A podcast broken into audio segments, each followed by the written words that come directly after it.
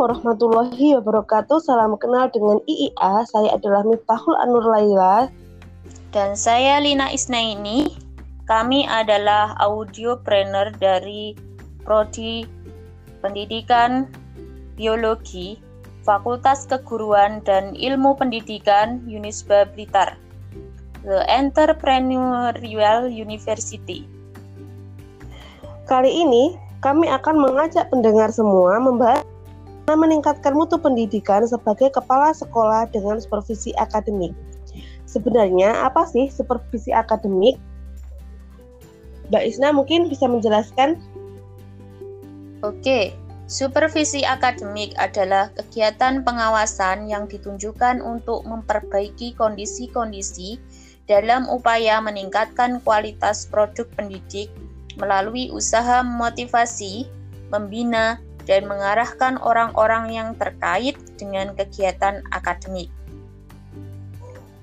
Jadi dapat disimpulkan bahwa kegiatan supervisi akademik sangat penting dan harus dilaksanakan secara terus-menerus oleh kepala sekolah kepada para pendidik sebab dengan supervisi akademik dapat memperbaiki kinerja pendidik yang muaranya dapat meningkatkan mutu pembelajaran itu sendiri. Kalau menurut Mbak Ila sendiri bagaimana? Uh, jadi kalau menurut saya, supervisi akademik adalah proses membantu guru dalam mengembangkan kemampuannya mengelola proses pembelajaran untuk mencapai tujuan pembelajarannya yang dilakukan oleh pengawas dan kepala sekolah.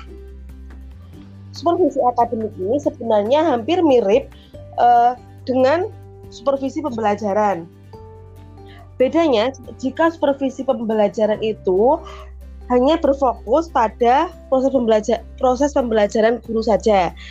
Namun, kalau supervisi akademik ini sifatnya lebih kompleks, dikatakan lebih kompleks karena tidak hanya pembelajaran saja yang dibahas, tapi juga mencakup kurikulum, penelitian, kelompok kerja guru, dan lain sebagainya. Mbak Isna, uh, sebenarnya apa sih tujuan dari supervisi akademik ini? Tujuan supervisi akademik itu membantu guru dalam mengembangkan kompetensinya, kemudian mengembangkan kurikulum, kemudian mengembangkan kelompok kerja guru, dan membimbing penelitian tindakan kelas. Keseluruhannya itu Intinya adalah membantu guru mengembangkan kemampuannya mencapai tujuan pembelajaran yang dicadangkan bagi murid-muridnya. Baiklah, terima kasih Mbak Isna.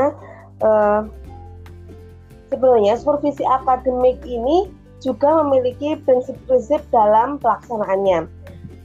Antara lain, supervisi akademik harus menciptakan hubungan kemanusiaan yang harmonis, bersifat terbuka, kesetia kawanan, dan informal.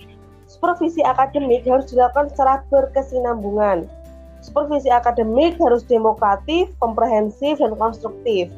Lalu, program supervisi akademik harus integral dengan program pendidikan secara keseluruhan. Kemudian, dalam menyusun pelaksanaan dan mengevaluasi, Keberhasilan program supervisi akademik harus objektif berdasarkan kebutuhan nyata pengembangan profesional guru. Nah, nah kita kan sudah membahas pengertian, sudah membahas tujuan, sudah membahas prinsip-prinsip dalam pelaksanaannya. Lalu bagaimana tahap-tahapan dalam pelaksanaan supervisi akademik ini? Oke, kita bahas bersama-sama ya Mbak Ila tahapannya. Tahapan yang pertama, supervisi akademik ini sedikitnya ada empat dokumen perencanaan yang harus disiapkan. Yang pertama, tujuan supervisi yang dirumuskan berdasarkan kasus yang terjadi. Kemudian yang kedua, jadwal yang ditetapkan yang memuat informasi. Kemudian yang ketiga, teknik yang dipilih merupakan keputusan yang diambil supervisor setelah mengidentifikasi dan memilih yang tepat dengan kasus yang ada. Keempat, instrumen yang dipilih berdasarkan hasil analisis dan identifikasi instrumen yang akan digunakan. Kemudian, lanjut ke tahapan yang kedua, supervisi akademik harus dilaksanakan setelah dilakukan sosialisasi dan kesepakatan bersama guru yang akan disupervisi akademik. Materi kesepakatan memuat waktu dan aspek-aspek dalam supervisi akademik. Setelah sepakat, barulah supervisi akademik dilaksanakan dengan tahapan berikut, memeriksa kelengkapan perangkat pembelajaran, mengamati proses pembelajaran, lalu melakukan penilaian pembelajaran dengan menggunakan instrumen observasi. Baiklah, Mbak lanjut tahap ketiga. Oke, Tahap ketiga, pelaksanaan supervisi akademik harus dianalisis. Komponen yang dianalisis adalah uh, satu, rencana pembelajaran berupa dokumen perangkat pembelajaran.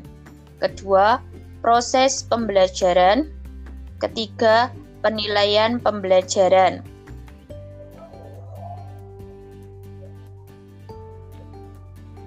Lanjut ke um, tahap yang keempat, hasil analisis supervisi akademik harus diberikan umpan balik, diberikan feedback. Bagian ini dilakukan setelah analisis dan evaluasi supervisi akademik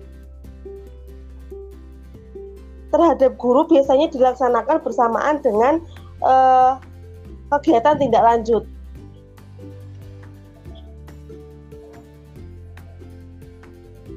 Silakan Mbak Isna lanjut tahap kelima. Tahap kelima dari supervisi akademik mesti dilengkapi dengan rencana tindak lanjut. Biasanya berupa satu pemberian penguatan dan penghargaan jika guru yang disupervisi telah memenuhi standar. Yang kedua, bagi guru yang belum memenuhi standar, kepala sekolah harus menyampaikan dengan cara bijak dan mendidik. Alangkah baiknya jika guru dipancing mengemukakan kelemahannya sendiri. Yang ketiga, guru diberi kesempatan untuk menyampaikan keluhan, kesulitan, dan hambatan yang ditemukan. Keempat, guru diberi kesempatan mengikuti kegiatan pelatihan baik di berbagai kesempatan dan tingkatan. Uh, lanjut uh, tahap keenam. Tahap keenam ini adalah menyusun laporan hasil supervisi akademik.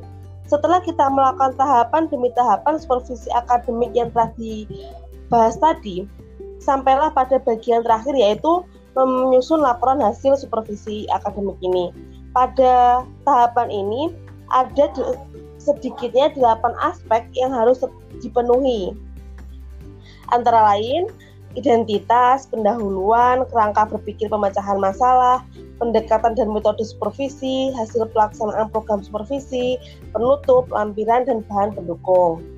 Baiklah Mbak Isna, kita sudah membahas eh, pengertian-pengertian, uh, lalu tujuan, prinsip, dan tahap-tahapan pelaksanaan supervisi akademik. Semoga yang kami sampaikan tadi akan menjadi pembelajaran dan berkah buat kita semua, baik Amin. bagi kita maupun pendengar. Amin. Mari bergabung dengan Universitas Kambalitar, Salak Entrepreneur, Unisba Balitar, Unisba Blitar, Kreatif, Integratif, Inovatif, and Energik. Akhirul kalam, Wassalamualaikum warahmatullahi wabarakatuh.